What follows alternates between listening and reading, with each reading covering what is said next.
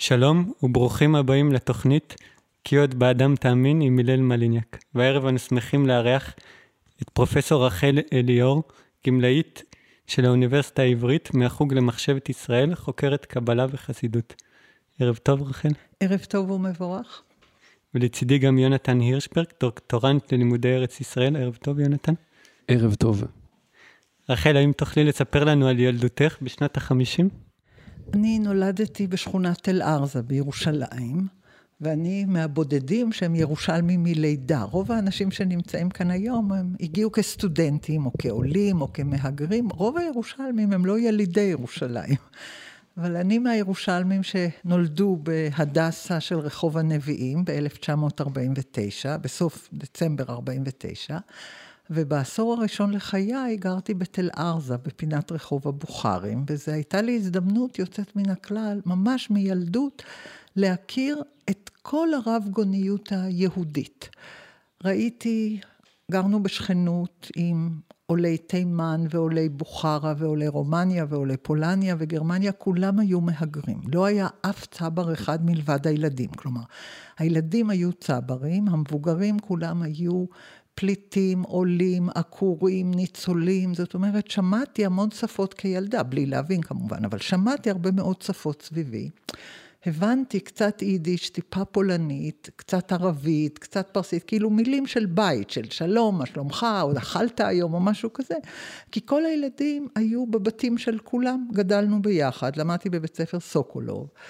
ולא היה שום הפרדה, כולם היו אותו דבר בדיוק. כלומר, ההורים היו אומרים ככה מתחת לאף, זה גם כן יהודי, כשהיו רואים יהודים שאף פעם לא ראו קודם, נגיד לא, בוכרים שלובשים מק"טים צבעוניים, או תימנים שהלכו עם... בגדים יפים שהביאו מתימן, או החסידים שהלכו עם אה, בגדי קמחה, זה בגדי משי מפוספסים. כלומר, גדלנו בסביבה מאוד צבעונית ומאוד רבגונית ומאוד רב-לשונית. ולא הייתה שום מודעות ביקורתית משום סוג. זה היה נראה לנו מובן מאליו, ואני שייכת לדור שקוראים לו הדור, דור המדינה. כלומר, כל ההורים היו מהגרים ופליטים וניצולים, וכל הילדים היו צברים. והיות והיינו הדור הראשון של הצברים, אז לא היו לנו דפוסי חיקוי קודמים. אני מדברת על הילדים העירוניים, כן? בשכונה שאני גדלתי, והמציאות שסיפרו לנו עליה, היא הייתה המציאות. ומה אפיין את האווירה הציבורית באותה תקופה? תראה, כילדה אני לא יכולה להגיד שום דבר על אווירה ציבורית, אני יכולה רק להגיד על אווירה שכונתית. האווירה השכונתית הייתה של חופש ושמחה וגאווה. הסתכלו עלינו כמו על נס, היינו הילדים של הדור הראשון של מדינת ישראל. לא הייתה מדינה אלפיים שנה, ואנחנו היינו הדור שקוראים לו דור המדינה, חנה, פרופסור חנה יבלונקה כתבה עלינו ספר שקוראים לזה ילדים בסדר גמור. אנחנו היינו הילדים בסדר גמור. לא עלה על דעתנו למתוח ביקורת, לעשות השוואות, לשאול שאלות. נורא רצינו לדעת מאיפה ההורים שלנו באו, וההורים שלנו מאוד לא רצו לספר לנו. כי העבר היה טבוע בטרגדיה. רובם איבדו הורים או אחים או ילדים או נישואים קודמים, והם העדיפו לא לדבר על העבר. ככל שהם העדיפו לא לדבר על העבר, ככה אנחנו גדלנו להיות ילדים מאוד סקרנים. כי כשלא רוצים לענות לך, אז אתה רוצה לדעת.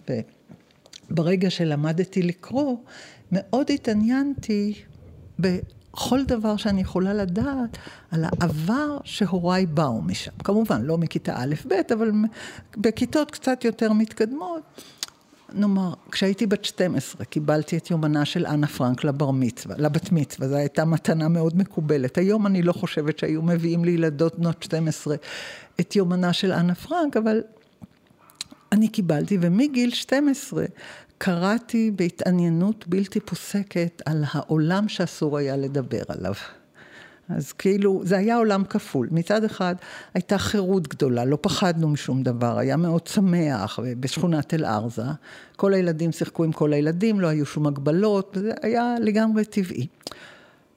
אבל ברקע היה את העולם שאסור היה לדבר עליו. זה שגרוסמן קרא לו ארץ שם, או החיה הנאצית, או משהו, רצו, לא דיברו על זה, וככל שההורים לא רצו לדבר על זה, ככה הילדים יותר התעניינו.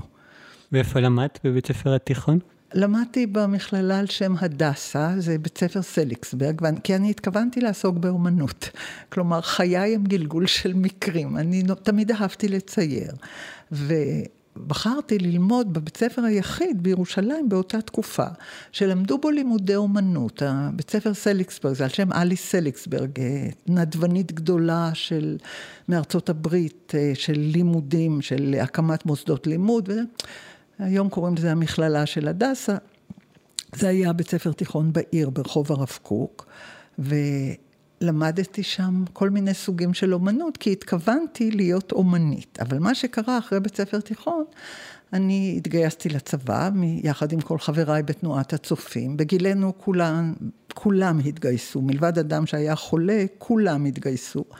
ואני התגייסתי לנחל, ובנחל בסוף השירות שלי, אחרי שכבר נרשמתי לבצלאל, פגשתי אדם מקסים בשם גדעון אלעד, שהיה מתנועת יהודה הצעיר, שהיה בקיבוץ חצרים, שם אני הייתי בנחל, בנחל סיני, במפלסים ובחצרים. כלומר, בחלק האחרון של השירות, פגשתי את גדעון אלעד, וכשכתבנו יחד בקטיף, שהמבוגרים היו כותבים עם הנחל, כותבים עם הנחלאים, הוא שאל אותי, איזה ספר את קוראת? זו הייתה שאלה מקובלת לגמרי בין מבוגרים לצעירים. ואמרתי לו שקראתי ספר של עגנון, והתחלנו לדבר על עגנון. ואחרי כמה שעות של שיחה, ותוך כדי הקטיף, הוא אמר, אני רוצה שתקראי את הספר החסידות כמיסטיקה, כי אני חושב שזה מאוד יעניין אותך. אמרתי לו, מה זה מיסטיקה? אף פעם לא שמעתי קודם את המילה הזאת. והוא אמר, קשה לי להסביר לך מה זה מיסטיקה, אבל זה קשור למה שדיברנו עליו. תקראי את הספר, והוא השאיל לי את הספר. וכשסיימתי את הספר, וזה היה כאמור בסוף השירות הצבאי שלי, החלטתי שאני רוצה ללכת ללמוד את, אצל מי שכתבה את הספר הזה, שמה היה פרופסור רבקה שץ אופנהיימר, שכתבה לחסידות כמיסטיקה, וזה היה לגמרי בלתי צפוי, כי כאמור, אני כבר נרשמתי לבצלאל והתכוונתי ללמוד אומנות, ולשם כך למדתי בתיכון אומנויות, אבל בעקבות הספר הזה, שממש חולל מהפכה ברוחי, אה, החלטתי ללכת ללמוד מחשבת ישראל, ושוב, הידע שלי מה זה מחשבת ישראל היה קרוב לאפס. רק שידעתי שפרופסור רבקה שץ, שכתבה את הספר שקראתי ושהתפעלתי ממנו, מלמדת בחוג למחשבת ישראל. אני באה מרקע חילוני לגמרי, אני לא גדלתי בחינוך דתי ולא היה לי שום אה, אינטואיציות דתיות או הכוונה דתית, ולכן מחשבת ישראל זה היה די בלתי צפוי, אבל כאמור, בעקבות הספר הזה התגלגלתי לחוג הזה, ומאז זה התחום שאני עוסקת בו. אז באמת, מה היו המוטיבציות המחקריות שלך, כמי שגדלה בתנועת הצופים ובבית שהוא לא שומר אה, תורה ומצוות? אז האמת שלא היו לי שום מוטיבציות מחקריות, כלומר, ההגדרה הזאת לא רלוונטית לגביי. לא היו לי שום מוטיבציות, אני רק רציתי לדעת. אני הייתי מאוד סקרנית לגבי העולם שאסור לדבר עליו. זאת הייתה הסיבה שקראתי את עגנון. כי עגנון מספר בצורה נפלאה. על פולין של המאה ה-20 ופולין של המאה, וגם בצורה טראגית כמובן, על פולין של המאה ה-20 או על פולין של המאה ה-19 ועל פולין של המאה ה-18. אמי נולדה בממלכת פולין ליטא, בעיר שקוראים לה לידה, ואבי נולד בקרקוב שבגליציה, בפולין דהיום. וכמו שאמרתי, הם לא רצו לדבר על העולם שהם גדלו בו, כי הוא היה טראומטי. הם, הם עצמם לא היו במלחמה, שניהם הגיעו לארץ ב-1934, אבל משפט, משפחתם נספתה במלחמה, ומבחינתם היה בלתי אפשרי לדבר. לא היו מילים לטרגדיה, ולכן אמרו, לא כדאי לדבר על זה. וכאמור, ככל שהם לא רצו לדבר, ככה אני רציתי יותר לדעת.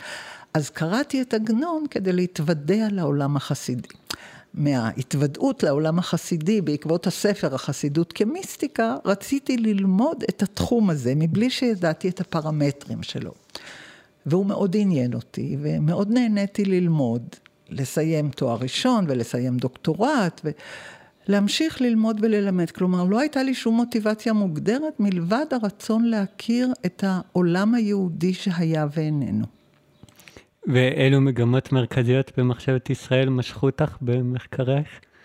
באופן מיוחד, אה, עוד פעם, זה, זה עניין של צירופי מקרים. אני כתבתי דוקטורט על המחלוקת שבין שני היורשים של רב שניאור זלמן מילדי, הבן שלו, שקראו לו דוב בר, המיטלרבה, הרבי מלובביץ', והתלמיד המובהק שלו, שהיה מצטיין וגאון, שקראו לו רב אהרון הלוי מסתרושלה. כשרב שניאור זלמן מילדי הלך לעולמו ב-1812, אגב בריחה במלחמות נפוליאון, שנפוליאון כבש את רוסיה, הוא לא השאיר צוואה, הוא גם כנראה לא התכוון עדיין למות, אבל בכל אופן הוא מת, כמו שקורה בחורפים הקשים בזמן בריחה ומלחמה. לא היה שום דפוס ירושה בעולם החסידי. לנו היום זה נראה מובן מאליו, ש... הבן של הרבי ממשיך את הרבי, והנכד של הרבי ממשיך את הבן של הרבי. לא היה שום דבר כזה ב-1812. עוד לא היה אף בן יורש בשושלות החסידיות. כל החסידים שהיו עד אז היו תלמידי המגיד ממזריץ' או תלמידי רב יעקב יוסף מפולנה, שהם שניהם מצידם היו תלמידים של ישראל בעל שם טוב, מייסד החסידות. כל הסיפור הוא המחצית השנייה של המאה ה-18, ראשית המאה ה-19, ועדיין לא היו שום דפוסים חברתיים של העולם החסידי. כלומר, דפוסי הורשה או דפוסים שושלתיים. לכן, ב-1812, כשהתלמיד אמר שהוא רוצה להמשיך את המורשת של מורו, הרב שניאור זלמן מילדי, הבן אמר, מה פתאום, אני זכאי להמשיך. הן רב שניאור זלמן והן מוריו היו תלמידים מצטיינים של מורה בכיר ולא ילדים של, כן? בכל אופן, נוצרה מחלוקת מאוד גדולה. נוצרה, אה, נוצר ויכוח ופולמוס ונכתבו הרבה דברים. ועל זה אני כתבתי את הדוקטורט, על המחלוקת הגדולה בדור השני של חסידות חב"ד, בין הילד של רב שניאור זלמן מילדי, שהיה אדם רגיל, אדם מן השורה. והתלמיד המבריק שלו, שהיה אדם יוצא מן הכלל, רב אהרון הלוי מסתרושלה. ומאז, מאז שסיימתי את הדוקטורט ב-1976, תמיד התעניינתי בגורלם של אלה שנדחקו הצידה. כי רב אהרון הלוי מסתרושלה נדחק הצידה על ידי הבן היורש, שלא היה אדם שהיה מקובל על הבריות, ובשלב בעשורים הראשונים של המאה ה-19, בעשור השני והשלישי של המאה ה-19, היו הרבה דברים מסובכים שם במשפחה. הבן הצעיר חשב שהוא המבריק מכולם והוא צריך להיות היורש, וכשנאמר לו על ידי אחיו שהוא לא, אז הוא הלך והתנצר. כלומר, כדי ליצור אה, חיץ בינו ובין משפחתו. והתלמיד כאמור הודח וספריו הוחרמו ולא הזכירו אותו, והוא מצידו, למרות שהיה מוחרם על ידי המשפחה, יצר חצר חסידית משלו וזכה ל... להערכה רבה של חוגים רחבים. אבל אף אחד, אחרי פטירתו, לא עסק בספרים שלו, למרות שהם היו ספרים ממש נפלאים. על, על הספרים שלו אני כתבתי את הדוקטורט ועל המחלוקת מסביב. ומאז, כלומר, משנות ה-70 של המאה העשרים, אני התעניינתי תמיד במוחרמים, בנרדפים, בסיבות ההחרמה, בסיבות הרדיפה, בצנזורה, בהשתקה, כי תמיד בכל מקום שיש פולמוס, שם יש דופק חי של הדברים. שם אתה יודע על מה נאבקים, מהם הערכים החשובים, על מה רבים, מהם, מהם ערכי היסוד, מהם הנושאים ששנויים במחלוקת. אבל כאמור, אני חוזרת ואומרת, זה היה לגמרי ביד המקרה. כאילו, לא בחרתי מלכתחילה לעסוק בזה, אלא כש... מורתי עליה השלום הציעה לי לכתוב דוקטורט על הספרים של רב אהרון הלוי מסתרושלה, היא אמרה לי, שולם אמר שאלה הספרים הכי קשים שיש, תנסי את כוחך. אמרתי, טוב, אני אנסה. בעיניי הם לא היו קשים בכלל, לי הם היו מאוד משורש נשמתי, היה לי מאוד מעניין לקרוא אותם. כמובן, לקח לי זמן, בגלל שצריך היה לפענח את ראשי התיבות, וצריך היה להשלים את הידע בקבלה, וצריך היה להשלים את הידע בחסידות. זה, זה לוקח זמן עד שאתה מבין את כל המרקם של הספר הכתוב, אבל לעניות דעתי, כל קורא עברית יכול להביא כל, להבין כל ספר שכתוב עברית, גם אם הספר מורכב. כי בסופו של דבר, כשאדם כותב ספר, הוא כותב את זה כדי שיקראו את זה. ורב אהרון הלוי כתב ספרים נפלאים. שערי האיחוד והאמונה, שערי העבודה, עבודת הלוי, ממש אלפי עמודים, מרתקים. ו... כשכתבתי על אלה שהתפלמסו נגדו ועל הספרים שהוא כתב כנגדם, אז כאילו נכנסתי לתוך העולם החסידי ולפולמוסים הקשים שהתנהלו בו.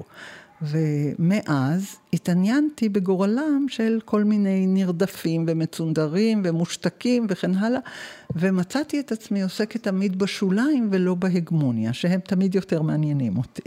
ומה החידוש של חסידות חב"ד? חסידות חב"ד מתחילה עם רב שניאור זלמן מילדי, שהיה התלמיד המובהק של המגיד ממזריץ', שהיה התלמיד של ישראל בעל שם טוב.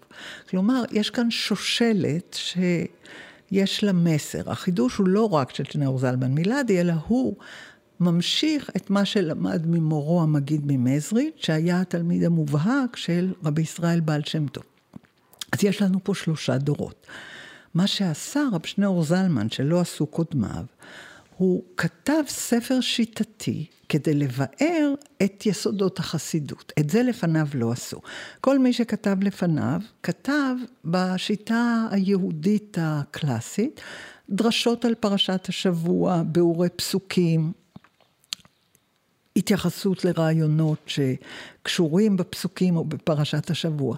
שניאור זלמן מילדי כתב ספר שקוראים לו ספר של בינונים. מה זה בינונים? מישהו לא צדיק ומישהו לא רשע.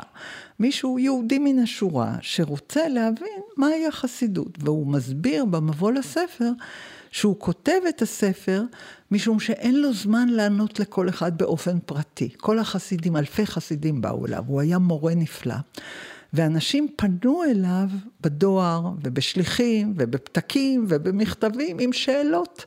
והוא אמר, אין לי זמן לענות לכולכם. אז במקום זה אני אכתוב ספר ואני אסביר במה עוסקת החסידות. אז הוא כתב ספר שיש לו כמה שערים.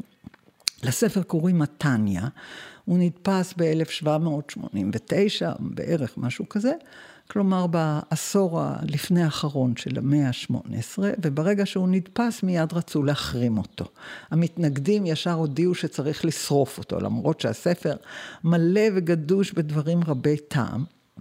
אבל הגאון מווילנה אמר שהוא מתנגד לחלוטין לספר הזה, כי הבעל שם טוב מצוטט שם כמי שאמר שבכל מקום יש עולמות, אותיות ואלוהות.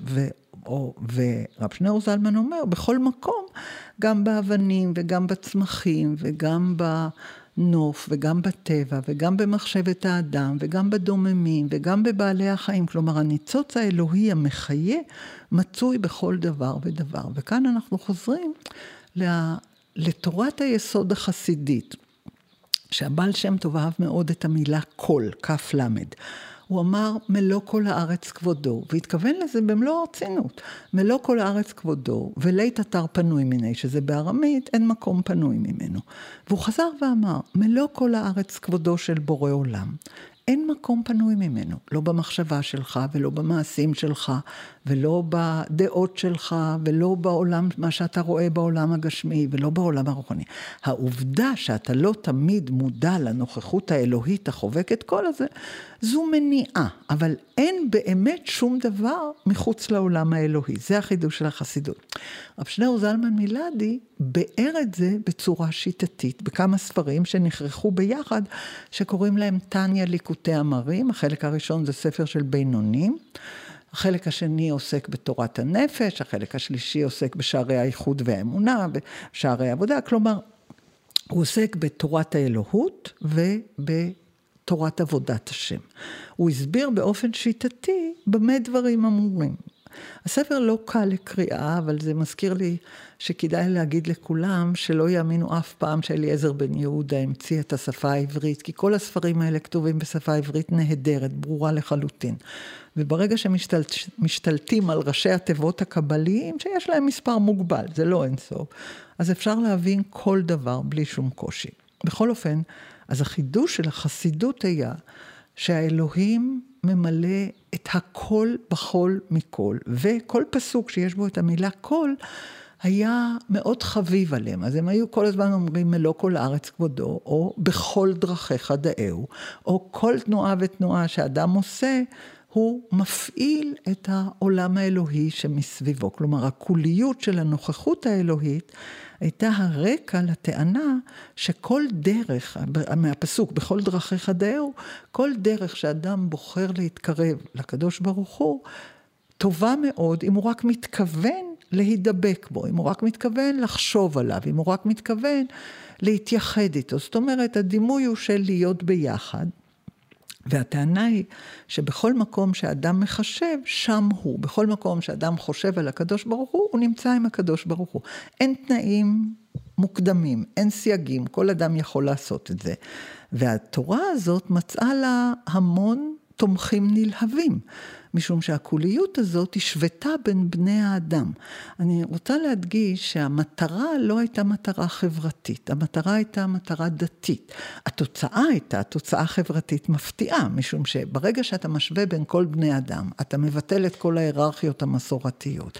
וכשאתה אומר לכל אדם שבכל שעה ובכל מקום ובכל דרך ובכל זמן, הוא יכול להידבק באלוהים בלי שום תנאים מוקדמים, אתה יוצר עולם חדש. החסידות סחפה דחפה אלפים. והיא עוררה התנגדות עצומה בעולם הרבני, משום שהעולם הרבני מבוסס על היררכיה. אתה מבחין בין תלמיד חכם לרב, בין האליטה הרבנית, הפרנסים והגבאים ובין עם הארץ וזה. החסידות ביטלה את כל ההיררכיות האלה.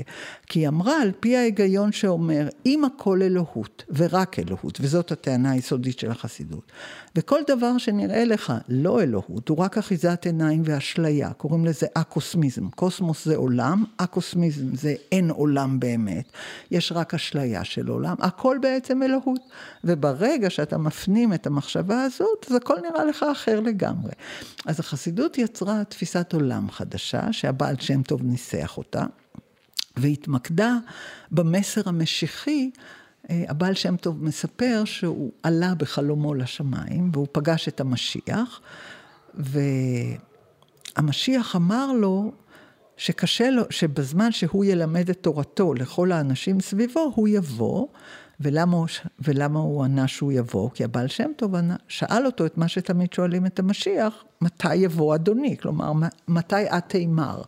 מתי תבוא אדוני? והוא שאל אותו, כי המציאות במאה ה-18 הייתה מחרידה. היו המון עלילות דם והמון רדיפות והמון מלחמות. פירטתי את זה בהרחבה בספר שלי, ישראל בעל שם טוב ובני דורו. 1,400 עמודים של ההיסטוריה היהודית הממש מדממת של המאה ה-18 וקודם של המאה ה-17, שהעלתה את הטענה של הבעל שם טוב, שבניגוד למה שנדמה לנו שהכל איום ונורא וחושך ואפלה, למעשה הכל אלוהות. כלומר, זו תפיסה של התרסה מוחלטת בניגוד מוחלט להתנסות ההיסטורית שלך, או בניגוד מוחלט להתנסות הגשמית המוחשית. הוא אומר, בעצם כל זה זה כלום, זה אשליה. האמת האמיתית שהכל אלוהות, ואני אראה לכם איך. והמשיח אמר לי שבכל אות ואות עולמות, נשמות ואלוהות. עכשיו, בכל אות של לשון הקודש, בכל מילה שאדם מדבר, בכל משפט שאדם קורא או כותב או לומד או מלמד או משוחח, אני מדברת כאן רק על גברים יהודים, כי האחרים לא הובאו בחשבון לכל ענייני לימוד. אבל כל הילדים היהודים למדו לקרוא בלשון הקודש מגיל שלוש עד גיל שלוש עשרה, ולשון הקודש הייתה נהירה להם בדרגות שונות, משום שהם בילו עשר שנים של לימוד לשון הקודש ולא דברים אחרים. הם למדו לקרוא בתורה ובסידור ובמשנה, והם הבינו היטב את קדושתה של לשון רק הבנים, לא הבנות. אז כשהבעל שם טוב אמר, בכל אות ואות יש עולמות ונשמות ואלוהות, הם הבינו היטב על מה הוא מדבר. כי הלימוד של לשון הקודש היה עשר שנים מחייו של כל נער יהודי. אז מזה התחילה החסידות. את זה באר בצורה שיטתית נהדרת. רב שניאור זלמן מילדי בעל התניא, ועל זה התווכחו והתפלמסו אחרי מותו ב-1812, הן על תורת האלוהות והן על עבודת השם, הבן שלו, דוב בר, עמית לרבה, הרבי האמצעי, והתלמיד המובהק שלו, רב אהרון הלוי מסתרושלה, שכתב את שערי העבודה ושערי האיחוד והאמונה ועבודת הלוי, כדי לבאר באלפי עמודים את פרטי הפרטים של הטענות האלה. ואיך התפיסה המיסטית הזאת באה לידי ביטוי בפרקטיקה דתית יומיומית? היא, הפרקטיקה הדתית היחידה היא שלכל מעשה שאתה עושה אין שינוי בעולם המעשה. המעשה היהודי הוא מסורתי. מה זה עולם מסורתי? שכל מה שאתה עושה מיוסד על העבר. העבר היהודי גדוש בהנחיות פרקטיות, יש מצוות ויש איסורים ויש עשה ויש לא תעשה. חסידות לא הוסיפה על זה שום דבר בגדול, אחוז בודד. 99% מהפרקטיקה היהודית זה הפרקטיקה היהודית המסורתית. מה הם הוסיפו? את המחשבה. על כל מצווה שאתה עושה, אתה צריך להגיד למען ייחוד קודשא בריחו ושכינתה. למה, כדי לייחד את הקדוש ברוך הוא והשכינה. זה לא המצאה שלהם, זה מהקבלה. אבל הם הפכו את הכוונה של הייחודים והדבקות, כאילו לחבר את הממד הזכרי והממד הנקבי באלוהות, הקדוש ברוך הוא והשכינה, בכל מעשה שאתה עושה. זאת הפואנטה. כלומר, הם לא יצרו מצוות חדשות, הם לא ביטלו אף מצווה, חלילה. הם כיבדו את כל המצוות, הם עשו כמיטב יכולתם לממש כל מצווה שניתנת, ואני רוצה להזכיר שחלק עצום מתרי"ג מצוות אי אפשר לעשות, כי זה מצוות שתלויות בארץ, ומצוות שתלויות במקדש, ומצוות שתלויות בכהונה. כלומר, בעולם המעשה, רוב המצוות הן בלתי אפשריות לחלוטין. אבל את אותן מצוות, מתרי"ג מצוות, שכל יהודי חייב בהן, הם עשו במסירות נפש, לא פחות מאף אחד אחר, להפך, יותר, כי הם האמינו במסר הקבלי.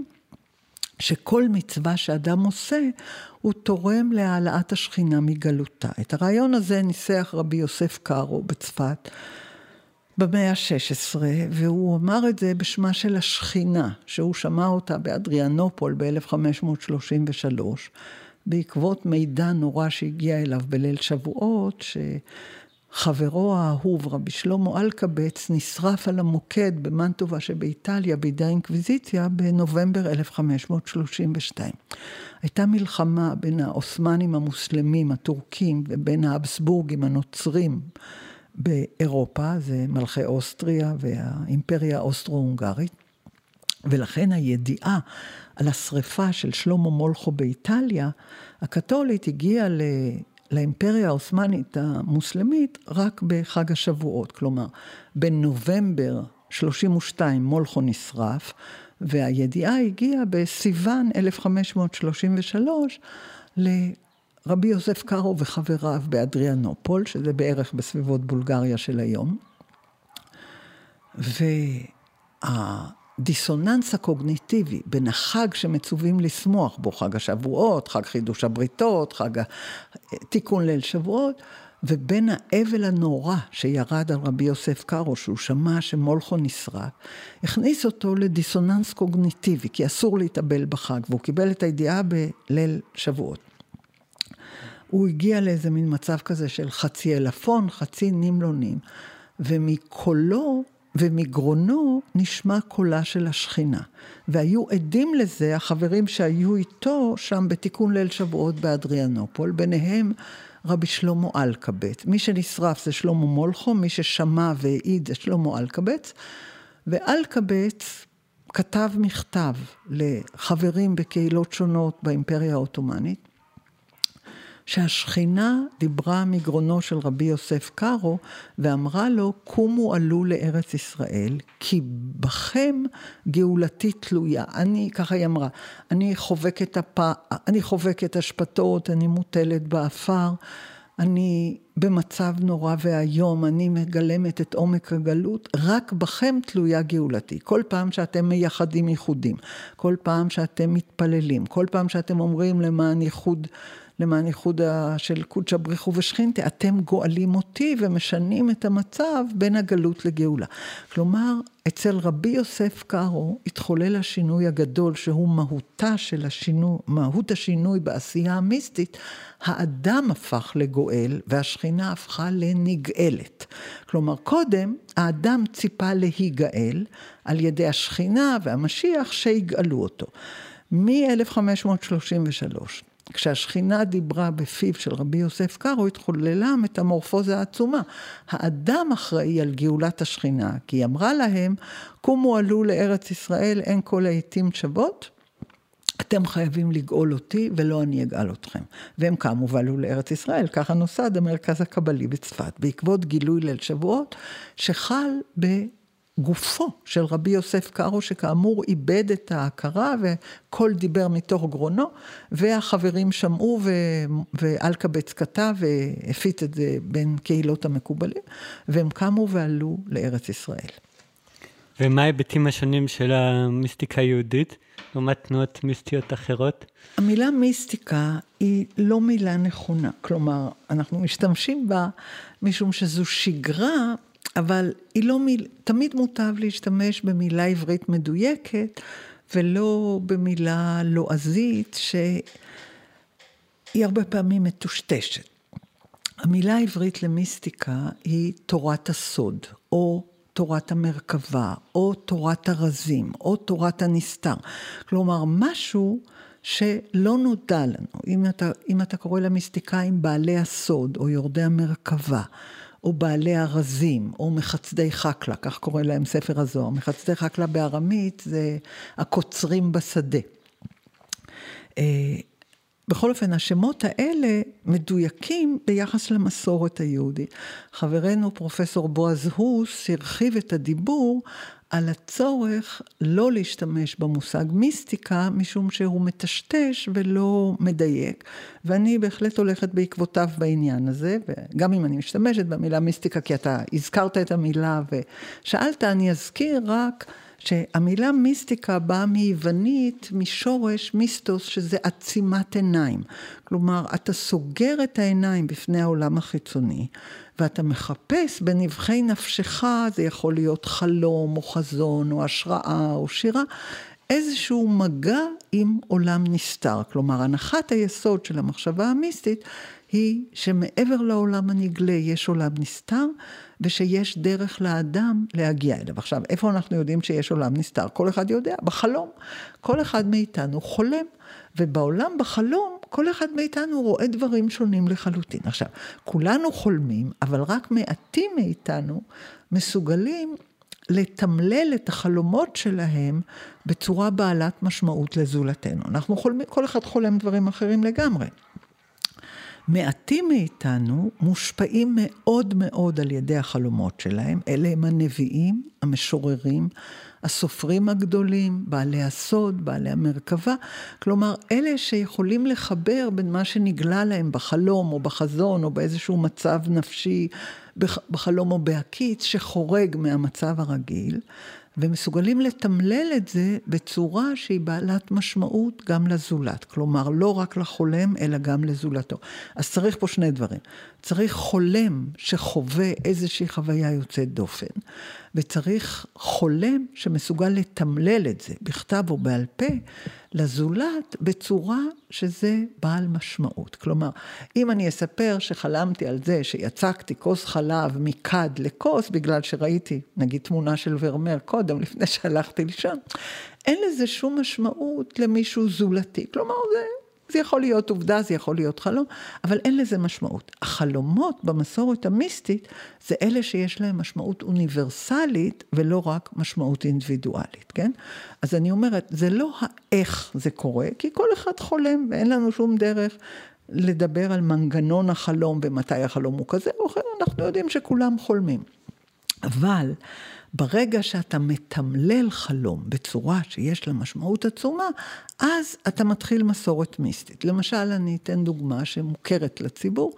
רבים מאיתנו קראו את אה, הפרקים הראשונים של ספר יחזקאל. קוראים להם חזון המרכבה. מתי קוראים את ספר יחזקאל? בחג השבועות. חזון המרכבה זה ההפטרה של מעמד סיני. למה? כי הנביא יחזקאל, יחזקאל בן בוזי הכהן, כהן גדול מבני צדוק, ראה חזון שקוראים לו חזון המרכבה. מה זה מרכבה? מרכבת הכרובים במקדש.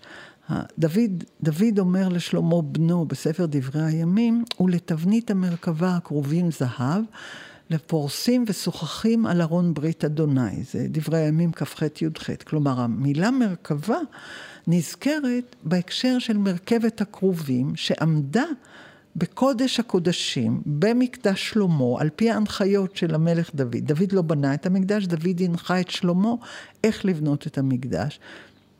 והראשון שראה את הכרובים היה משה רבנו. שאמר לבצלאל בן אורי איך לעשות את הכרובים שהוא ראה. כן? כלומר, למסורת הכרובים יש מסורת מיסטית ארוכה. היא מתחילה עם חנוך בן ירד, השביעי בדורות האדם, שראה כרובים ומרכבה. הוא אומר שהוא רואה מראה כרובים ומראה מרכבה. זה בספר חנוך העתיק שנמצא בין מגילות מדבר יהודה. ולמה חנוך? כי על חנוך נאמר, ויתהלך חנוך את האלוהים בעינינו, כי לקח אותו אלוהים. הוא לא מת כמו כל אדם אחר. על השאלה למה חנוך נלקח אל האלוהים ולא נאמר עליו ויולד וימות, נכתבו שלושה ספרים, ספר חנוך הראשון, ספר חנוך השני, ספר חנוך השלישי.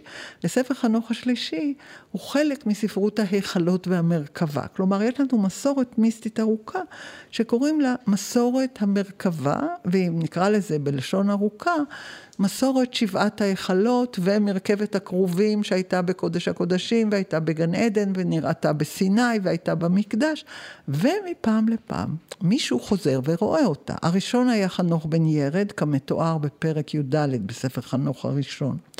השני היה משה רבנו כמתואר במעמד סיני.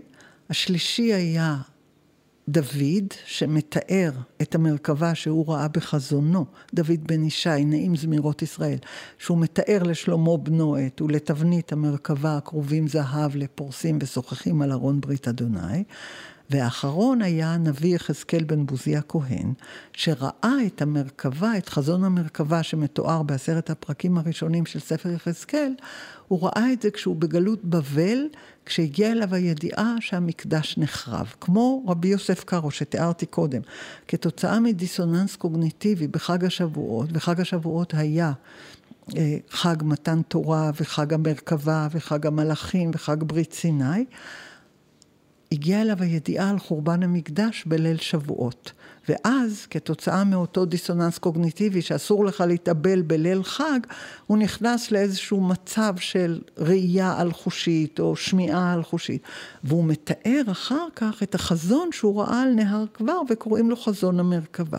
ובמגילות מדבר יהודה, בטקסט המקביל של יחזקאל, כתוב וכמראה נוגה המרכבה לא סביב, במקום שבטקסט המקראי כתוב כמראה, ונוגה לא סביב, כן? במגילות מדבר יהודה, שכולם כתבי קודש, כתוב נוגה מרכבה לא סביב. אז זהו, אז מסורת המרכבה היא המסורת המיסטית העתיקה שלנו, והיא ממשיכה בשירות עולת השבת במגילות מדבר יהודה, שכולן כתבי קודש, מגילות קומראן.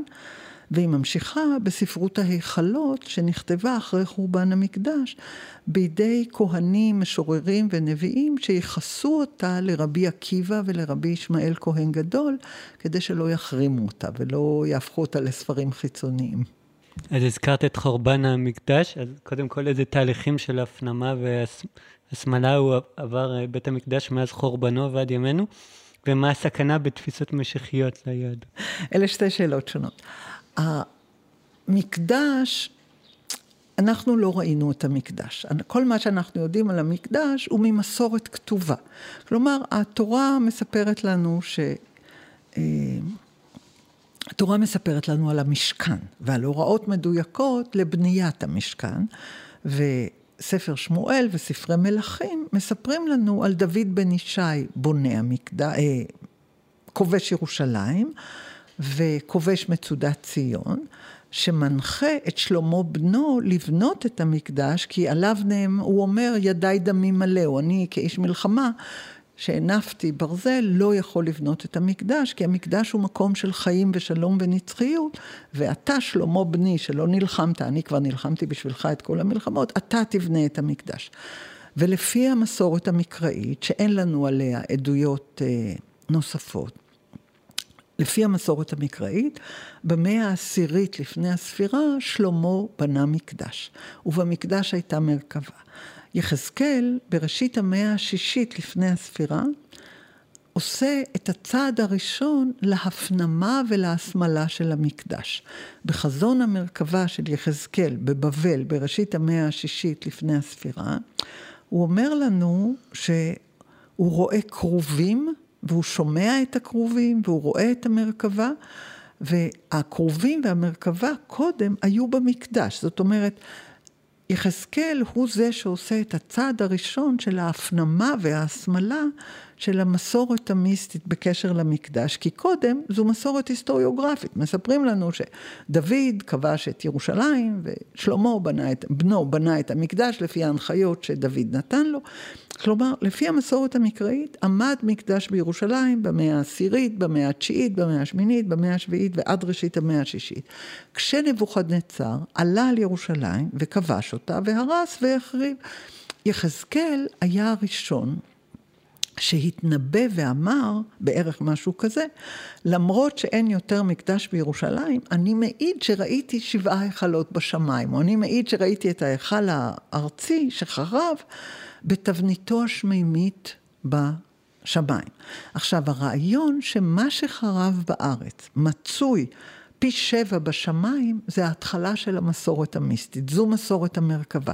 כאילו המשמעות של המסורת הזאת אומרת ככה, לחורבן הארצי אין שום משמעות, כי התבנית השמימית של מה שנבנה בארץ על פי תבנית שמימית, נמצאת בשמיים. אז אנחנו נשוב ונבנה אותו מתישהו, כשיעלה הרצון מלפני הקדוש ברוך הוא.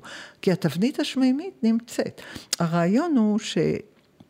משה בנה את המשכן על פי תבנית שמימית שהוראתה לו בהר סיני, ונאמר שם במפורש, ככל אשר הוראית בהר. כלומר, אתה תגיד לבצלאל שאני אלוהים המלא אותו חוכמה, בינה ודעת, ככל אשר אתה, משה, הוראית בהר. זאת אומרת, בצלאל בונה את המשכן ואת כל אשר בו, על פי התבנית השמימית שמשה הוראה בהר. שלמה בונה את המקדש על פי התבנית השמימית שדוד הוא ראה בחזונו, בחלומו, כמו שהוא אומר, שהוא מתאר בספר דברי הימים את כל פרטי בניין המקדש, דברי הימים כ"ח, כן?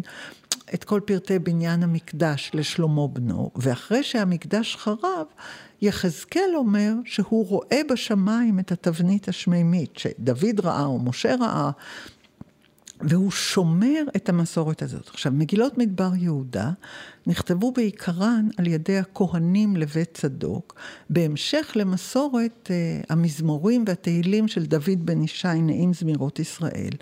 הוא היה משבט יהודה, הם היו משבט לוי, והם ממשיכים את מסורת המקדש שבנו דוד ושלמה, את המסורת של שירות הקודש שחיבר דוד, בעולם שלהם זו מציאות ריאלית לחלוטין. אני חוזרת ואומרת שאין לנו עדות על מקדש שלמה מהמאה העשירית לפני הספירה מחוץ למסורת המקראית. אלא אם כן נקבל את זה שהעובדה שנבוכדנצר החריב אותו זו עובדה שהוא היה קיים. אבל אנחנו יודעים שנבוכדנצר החריב את ירושלים וצר על העיר וכן הלאה, אנחנו יודעים את כל זה ממגילת איכה שהייתה טרגדיה גדולה. אבל כאמור, אין לנו מסורת חוץ מקראית שיכולה לאשש את הדברים, אבל הספרות היא אישוש בפני עצמו. מכל מקום, המסורת המיסטית לוקחת את הרעיון שמקום מקודש נבנה על פי תבנית שמימית מקודשת. בקיצור, קוראים לתבנית הזאת ולתבנית המרכבה הכרובים זהב לפורסים ושוחחים על ארון ברית אדוני, ובמילה אחת מסורת המרכבה. אז מסורת המרכבה היא התשתית המיסטית של ראשית המיסטיקה היהודית, והיא עובדת לאורך כמעט אלפיים שנה. מיותר אפילו, נגיד מימי משה באמצע האלף השני לפני הספירה, לאורך כל האלף הראשון לפני הספירה, ולאורך כל האלף הראשון לספירה, זה 2,500 שנה בקלות. עכשיו, מסורת המרכבה מסתיימת בהתחלת האלף השני, כאשר אז נכנסת מסורת הקבלה שהיא סיפור אחר לגמרי. כלומר, עד אז יש לנו את מסורת המרכבה, ויש לה הרבה ביטויים ספרותיים שונים. יש את ספרות ההיכלות, יש את מדרשי גאולה, יש כל מיני דברים יפים מאוד של האלף הראשון לספירה, והאלף הראשון לפני הספירה, והאלף הקודם לו שעליו מיוסדת המסורת המקראית. אבל באלף ה...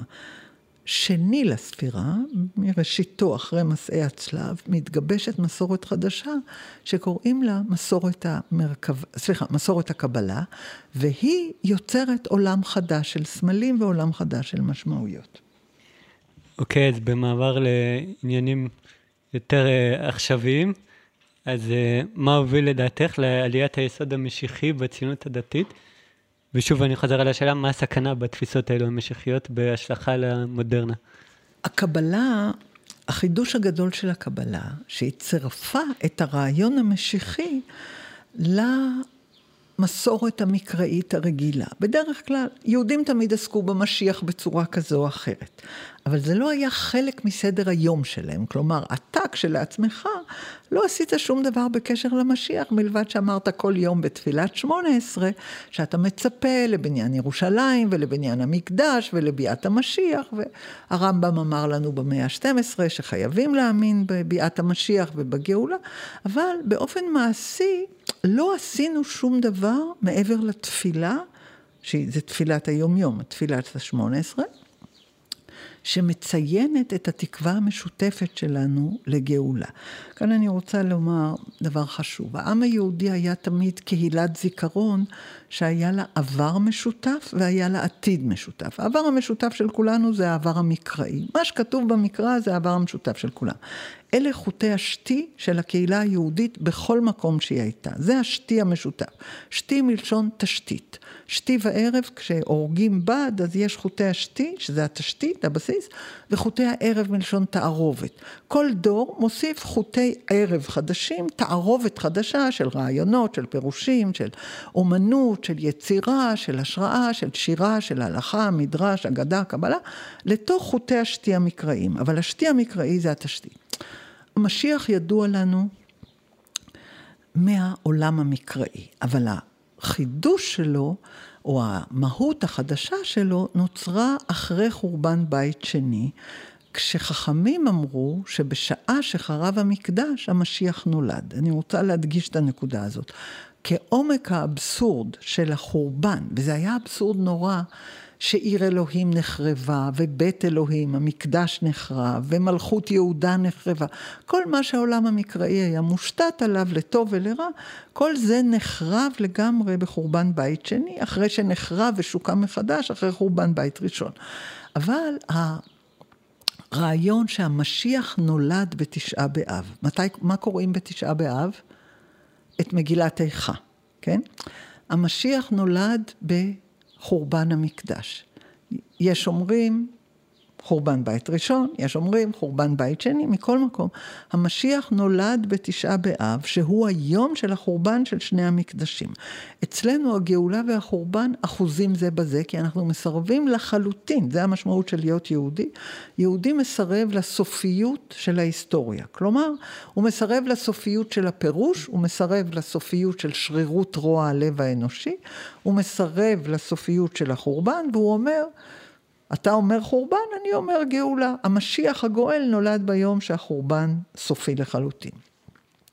הרעיון המשיחי הוא דיאלקטי. ככל שהחורבן גדול יותר, ככה המשיחיות עולה כפורחת יותר. אחרי החורבן הגדול של מסעי הצלב, בשתי המאות הראשונות של האלף השני, במאה ה-13 נוצרה הקבלה בתנופה עצומה, כחיבור בין המשיחיות ובין הקבלה, בין המסורת המיסטית ובין המסורת המשיחית. ונאמר לנו בספר הזוהר ובמפרשי הזוהר ובקבלת צפת ובקבלת רבי יוסף קארו ואחר כך בחסידות וקודם בשבתאות, שעלינו לקדם את ביאת המשיח על ידי שורה של פעולות שכולם מתקיימות בתודעה בלבד. לא עושים מצוות חדשות, לא מבטלים מצוות ישנות. עולם המעשה הוא אותו עולם המעשה. רק אתה מוסיף לעולם המעשה כוונה חדשה לגמרי שקוראים לה דבקות, ייחודים, כוונות, זיווגים. כלומר, אתה מייצר בתודעה שלך עולם אלטרנטיבי. לא במעשה, במעשה אתה עושה אותו דבר בדיוק. מה שיהודים חייבים לעשות בתרי"ג מצוות. אבל אתה מוסיף תודעה חדשה לכל פעולה שאתה עושה. על כל מצווה אתה אומר, למען ייחוד קודשא בריחו ושכינתה. על כל תפילה אתה אומר, לפני שאתה אומר את התפילה, אתה אומר, אדוני שפתי תפתח, למען ייחוד קודשא בריחו ושכינתה. אתה מקיים עולם דמיוני אלטרנטיבי בתודעה שלך, שכל מעשה שאתה עושה בעולם המעשה, מכוון לקדם את הגאולה. ולגאולה יש שני סוכנים, לאחד קוראים משיח ולאחד קוראים שכינה, והייחוד שבין המשיח והשכינה, או בין הקדוש ברוך הוא והשכינה, זה הכל ישויות דמיוניות, זה לא ישויות גופניות. לכן אפשר להגיד שיש להם הרבה שמות נרדפים. השכינה היא בת ציון, והשכינה היא ירושלים, והשכינה היא עיר, השכינה היא עיר דוד, והשכינה היא כנסת ישראל, והשכינה היא בכל מקום ששלושה מישראל לומדים שכינה ביניהם. כל מקום שעשרה מישראל מתפללים, שכינה ביניהם. לכל מקום שגלו ישראל, שכינה עמהם.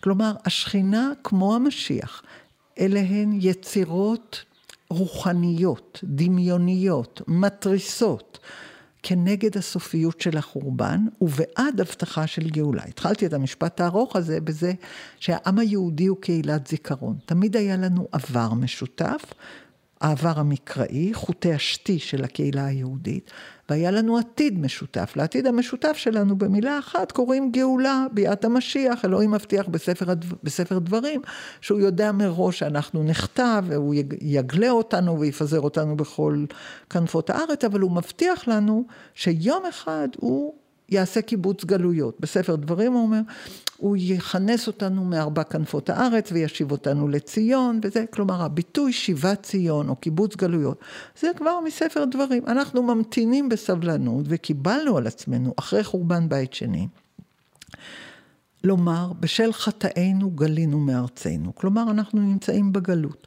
חלקנו לפחות. אם לא כולנו, אז רובנו, בין אם אנחנו בגלות אלכסנדריה, ובין אם אנחנו בגלות רומא, ובין אם אנחנו בגלות קפריסין, או איי הים התיכון, או אה, קפדוקיה, שזה טורקיה.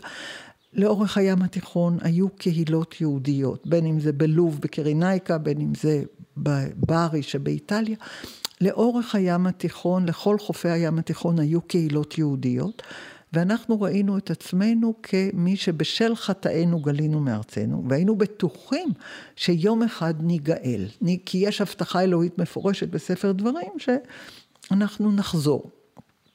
בין אם זה שיבת ציון, בין אם זה גאולת ישראל, בין אם זה קיבוץ גלויות, בין אם זה עשרת השבטים, יש לנו המון מיתוסים סביב זה, וטיפחנו במסורת הקבלית המיסטית את כל המסורות האלה ואת כל הסיפורים האלה. כלומר, היה לנו עתיד משותף של מי שעתיד להיגאל, והיה לנו עבר משותף של מי שנמצא בעולם המקרא, אבל ההווה שלנו תמיד היה משוסע ומפולג כמו היום. לא היה אף פעם הווה מוסכם על כל העם היהודי, תמיד היינו מפולגים. עכשיו, למה יש סכנה בעולם המשיחי? אין שום סכנה בעולם המשיחי, אפילו לא קצת, כשאתה בגלות. העולם המשיחי הוא העוגן של התקווה. שיום אחד תיגאל, ומי יגאל אותך? המשיח, זה כתוב, זה מובטח. איך נראה משיח? מי יודע? אף אחד לא יודע איך הוא נראה, וגם לא יודעים אם יש לו גילום גשמי.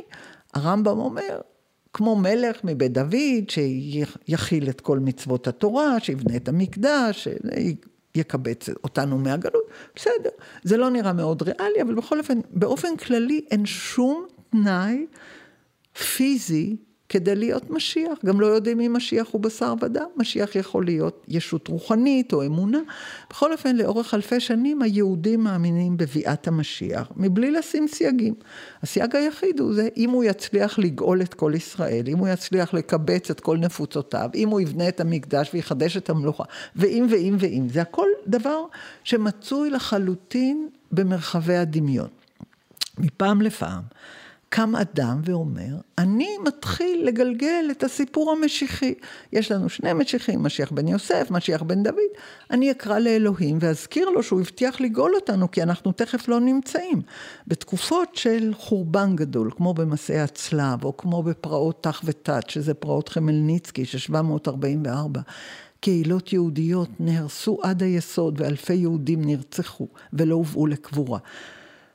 קמו תנועות משיחיות, למשל התנועה השבתאית קמה בעקבות מרד חמלניצקי במאה ה-17, כששבתאי צבי קיבל את הספר שקראו לו טיטה יוון, שמתוארות ביוון מצולה, שני ספרים, יוון זה יוונים, היוונים הפרבוסלבים, הקוזקים, שיצאו להילחם בפולנים הקתולים ובדרך רצחו את היהודים.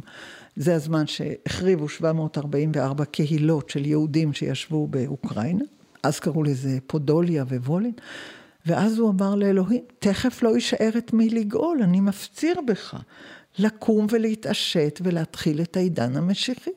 והוא עשה תיאטרון דתי. הוא כיסה את עצמו בגלימה אדומה, כמו שכתוב בספר הזוהר, שהמשיח לבוש פורפירה, שזה גלימה סמוקה מדם הנרצחים. והוא הזכיר לאלוהים את כל המילים של מגילת איכה. הוא שר, היה לו קול יפה כמו של קרוזו, והוא שר את מגילת איכה, שיש לה אקרוסטיכון בסדר אלפביתי, והוא הזכיר לאלוהים שהנה הגיע הזמן לגאול, כי תכף לא יישאר מי להיגאל. וכלומר, התחילה התנועה המשיחית, תמיד המשיחיות האקוטית צומחת מתוך חורבן מציאותי לגמרי. עכשיו, כל עוד היינו בגלות, היה היגיון מוחלט בתקווה המשיחית, כי הגלות הייתה, אז גם הגאולה צריכה להיות. ברגע שחזרנו לארצנו והפכנו לעם ריבוני, לעם שיש לו כוח, לעם שיש לו נשק, לעם שיש לו צבא, להתעסק עם העולם המשיחי זה הבל ורעות רוח. כי אנחנו גאלנו את עצמנו במו ידינו, שום משיח לא גאל אותנו. כל עוד היינו בגלות, היה עומק והיה שכל והיה משמעות לתקווה המשיחית, כי אדם שאין לו תקווה לא שורד. למה אנחנו שרדנו ועמים גדולים לאין ארוך מאיתנו לא שרדו?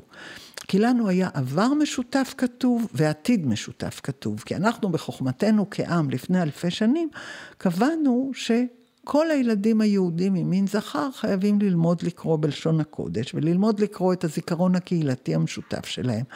והוספנו תפילות וסידור ומשניות וגמרא וקבלה וכן הלאה. יצרנו עולם כתוב. בקהילה שכל הגברים בה למדו לקרוא. לא כולם הצליחו, אבל כולם נשלחו ללמוד לאורך עשר שנים. והיה לנו עבר משותף ועתיד משותף. אז כל עוד העתיד המשותף שלנו היה קשור בגאולה, הייתה תקווה, היה, הייתה עשייה.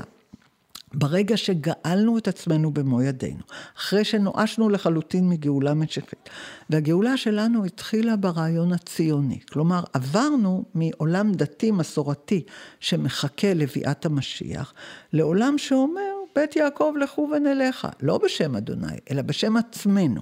הפסוק המלא זה בית יעקב לכו ונלכה, כלומר בשם השם. באו הבילויים ואמרו, בית יעקב לכו ונלכה, בכוחנו אנחנו, בתקוותנו, במעשינו, אנחנו רוצים מדינה עברית ושפה עברית ועבודה עברית, לא מחכים לאלוהים, גמרנו לחכות. אלפי שנים אנחנו מחכים, התייאשנו, אחרי הפוגרומים הגדולים, אחרי שהבטיחו לנו הבטיחו לנו אמנציפציה ורדפו אותנו, הבטיחו לנו שוויון זכויות ורצחו אותנו, הבטיחו לנו אזרחות ולמרות שקיבלנו אזרחות וקיבלנו שוויון לפי החוק, זה לא הגן עלינו מפני הפוגרומים ומפני הרציחות ומפני פטלורה ומפני הרצח של מלחמת העולם הראשונה. אנחנו קמים ועולים בכוחות עצמנו לארץ. התנועה הציונית הייתה תנועה חילונית שהפנתה עורף לציפיות של העולם הדתי. כי הם אמרו, אבל שוב, כולם גדלו בבתים דתיים, אבל הם אמרו, אנחנו גמרנו לחכות לגאולה משמיים, אנחנו גואלים את עצמנו במו ידינו. והם התחילו במה שקוראים לו תנועת הבילויים והחלוציות והגאולה בידי אדם ולא בידי שמיים. והם הפליאו לעשות למרות התנאים המאוד מאוד קשים. עכשיו, אחרי שהם התחילו, ששוב התנועה הציונית הייתה תנועה חילונית, ממש מוותרת על כל מימד דתי, והיו גם בהחלט מימדים אנטי דתיים, מתוך כעס על זה שאלוהים לא הצליח לממש את ההבטחה של הגאולה בידי שמיים, אז גואלים בידי אדם.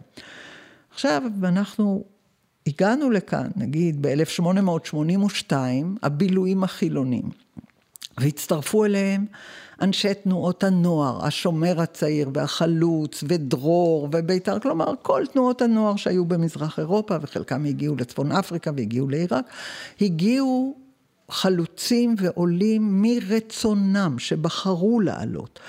עד 1948, אפשר להגיד, רוב הבאים היו אלה שבאו מרצונם ומבחירתם ומתוך אמונה שזה תלוי רק בידי אדם לשנות את גורלו.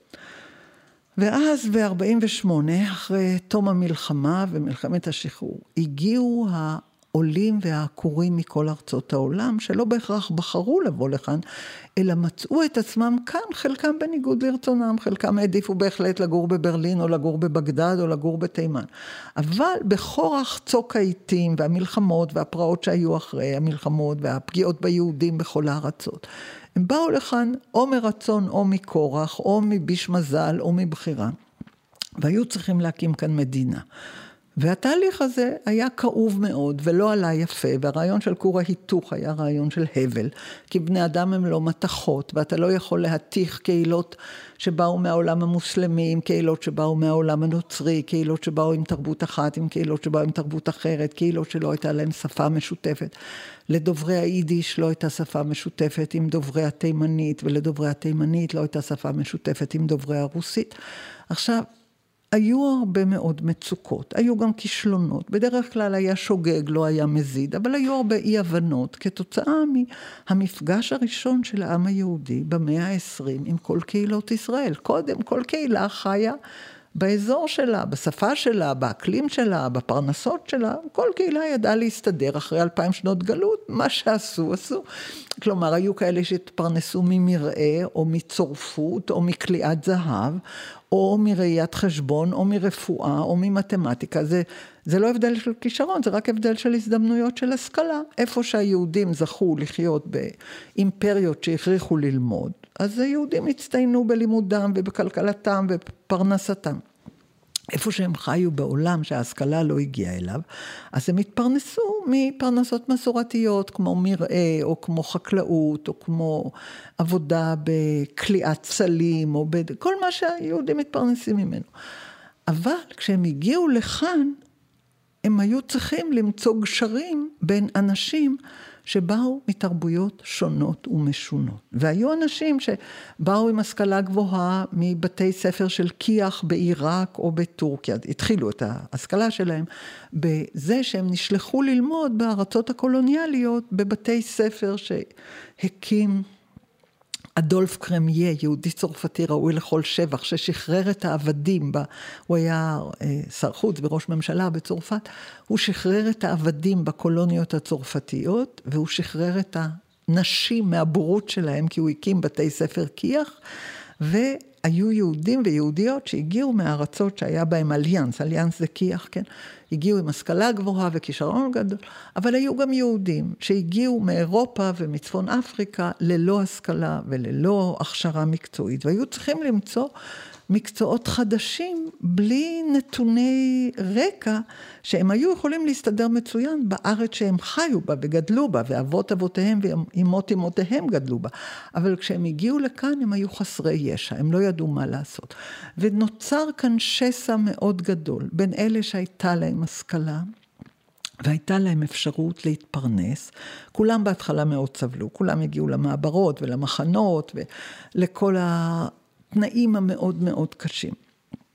אבל כאמור, היות ולא היה שום מכנה משותף בין כל אלה שהגיעו משמונים גלויות ושמונים לשונות ולא ידעו למצוא לשון משותפת, נוצר שסע גדול בין אלה שהרגישו דחויים והרגישו שלא מביאים אותם בחשבון. היה ציבור שהיינו קוראים לו הציוני דתי או הדתי לאומי, שהרגיש שהוא שוליים של שוליים של שוליים. והנה ב-1967 חוגי הרב קוק שמעו אני מדברת על הרב צבי יהודה קוק, הבן של רבי אברהם יצחק הכהן קוק. הרב צבי יהודה אמר שהגאולה בפתח, והנה הגיעה המלחמה, תמיד אומרים שהגאולה בפתח, כן? רק שהנה הגיעה מלחמת ששת הימים, שלא הייתה לא גאולה ולא כלום, הייתה חורבן גדול והמון מתים וזה. בכל אופן, ה... בחוגים של רב צבי יהודה, אה, מאוד סמכו על הכיבוש וזה, ולא הביאו בחשבון את מחיר המתים והפצועים והלומי הקרב, זה לא עניין אותם. עניין אותם שזכינו לקבל חזרה את האדמות של ארץ ישראל השלמה, והם התחילו לפמפם את האתוס המשיחי בקווים מאוד גדולים. ולקחו אותו למקומות שהוא מעולם לא היה בהם, כי כל המשיחיות היהודית, ללא יוצא מן הכלל, הייתה תמיד משיחיות מתוך חולשה, מתוך חורבן, מתוך אין אונים. והנה פתאום יש לנו משיחיות שמצטרף לצה"ל, ומצטרפים לטנקים, ומצטרפים לבעלי זרוע, ובעלי נשק, ובעלי כוח. והם. איבדו כל רסן. ברגע שצירפו את הרעיון המשיחי, שכולו דמיוני וכולו א-היסטורי וכולו אלוהי, צירפו אותו לכשל של בשר ודם. בשר ודם מטבעו מועד לכל שכול וכישלון. בעוד שהצדק האלוהי והסדר האלוהי מדבר על כוח אינסופי ועל גאולה אינסופית ועל הבטחות אינסופיות. אלא שבני אדם הם סופיים ומועדים לכל מהמורה. אז החוגים של הרב קוק, אלה שקראו להם גוש אמונים, שינקו מישיבות בני עקיבא, מהרבה מאוד ילדים שנולדו להורים שהיו עובדי עצות לחלוטין. אלה שבאו השרידים המועטים מהונגריה, שרוב יהודיה נשרפו במלחמה, אלה שהגיעו מפולין ומרוסיה כעקורים אחרי המחנות. כלומר, ההורים היו הרוסים, והילדים שגדלו בישיבות ובבתי הספר הדתיים, היו מאוד ילדים, איך אומרים, ילדים של עקורים, ילדים של אנשים שהגיעו חולים ואלמנים ושכולים ודור שני. היו מאוד חלשים. והנה, ב-1967 פתאום קערה התהפכה, והם הפכו להיות לראשי המדברים, הנה הגאולה ופה ושם. חיים באר, הסופר הירושלמי, תיאר נפלא בעת הזמיר, הספר הנהדר שלו, את האנשי שוליים האלה שהפכו להיות לרבנים גדולים ומובילים ותוקעים בשופר וגאולה וכל זה. מה שהתחיל בקווים קטנים, באמת, אה, הקצנה, תרופת דעת וחסרת רסן וחסרת מוסר, הלך והתעצם לכל הכיוונים הכי גרועים שאפשר, אחרי מלחמת יום הכיפורים, שהייתה טרגדיה נוראה, ו-2600 הרוגים, ואין ספור הלומי קרב. והם חשבו שזאת ההזדמנות לפתוח ביישוב ארץ ישראל. התחילו לעשות התנחלות בלתי חוקית בחברון ובסבסטיה ובשומרון ובכל מיני מקומות, תוך כדי נישול וגזל של אדמות של אנשים אחרים. רכוש של אנשים אחרים, איבדו כל מוסר, איבדו כל רוח יהודית של צדק ושל משפט אחד יהיה לכם ולגר הגר בתוככם. ו... השתלטו על אדמות לא שלהם, וראו את זה כחלק מהסדר של הגאולה, כאילו אם יש גאולה אז אין חוק ואין מוסר. ביטלו לחלוטין את כל המסורת היהודית של שמירה והקפדה על מצוות שמבוססות על זה של תורה אחת תהיה לכם ולגר הגר בתוככם, וגר זה הנוכרי שגר איתך בארץ, לא גר קונברט, אלא גר כמו רות המואביה, גר כמו אה, יתרו, כן, המדייני. מי שאיננו יהודי שגר איתך באותו מקום שאתה נמצא. ביטלו לחלוטין את כל מצוות הגר שנזכר, מצווה שנזכרת עשרות פעמים בתורה. ביטלו את החוק והמשפט המשותפים לך ולגר הגר בתוכך. ביטלו את הצדק, ביטלו את הצדק צדק תרדוף, ביטלו את עשיית הטוב, ביטלו את הענווה. והתחילו בלשון הכוח, פה משתלטים ופה גוזלים ופה שורפים ופה כורתים. בושה לעם היהודי, חרפה לעם היהודי. שהפכו את הרעיון המשיחי, שכל כולו יונק ממעמקי הסבל, לכלי נשק כדי לגרש אנשים ולנשל אנשים. מאוד מאוד מצער. השלב האחרון של המשיחיות היהודית, שלא היה צריך בכלל להיות, כי משיחיות כל כולה מיועדת אך ורק לעם שיושב בגולה, היא לא מיועדת לעם שיושב בארצו.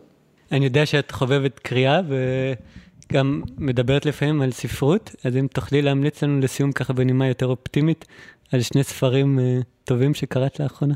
יש כל כך הרבה ספרים טובים, אבל אני הייתי ממליצה על ספרו של ישי שריד, מגלה החולשות, שהוא ספר בעל חשיבות עצומה, כי הוא מגלה לנו את המחיר הנורא שאנחנו משלמים על החזקת השטחים הכבושים. כלומר, הוא מטיח לנו בפרצוף מה אנחנו עושים עם מיטב הנוער, כאשר אנחנו מגייסים אותם ליחידות המעקב והסייבר והטכנולוגיה, כדי להשתלט על האוכלוסייה הכבושה בשטחים הכבושים.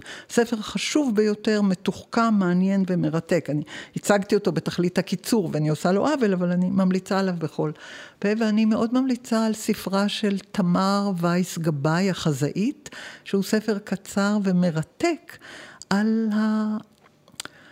על דרך ראייה אחרת על מה אנחנו עושים במדבר. כלומר, זה ספר סביבתני, ספר שעוסק ביחסים שבין האדם לטבע, בין האדם לדומם, בין האדם לצומח ולחי, וכתוב בצורה מאוד מעניינת ומקורית. אני יכולה להמליץ על עוד עשרה ספרים, כלומר, יש כל כך הרבה ספרים טובים, אבל שני הספרים האלה, יש בהם קול מיוחד, והם פותחים פתח גדול למחשבה. תודה רבה לך, פרופסור רחל אליאור, על השיחה המרתקת הזאת. בבקשה, שמחתי לדבר. תודה גם לדולב סלומון על העריכה וההפקה, ערב טוב.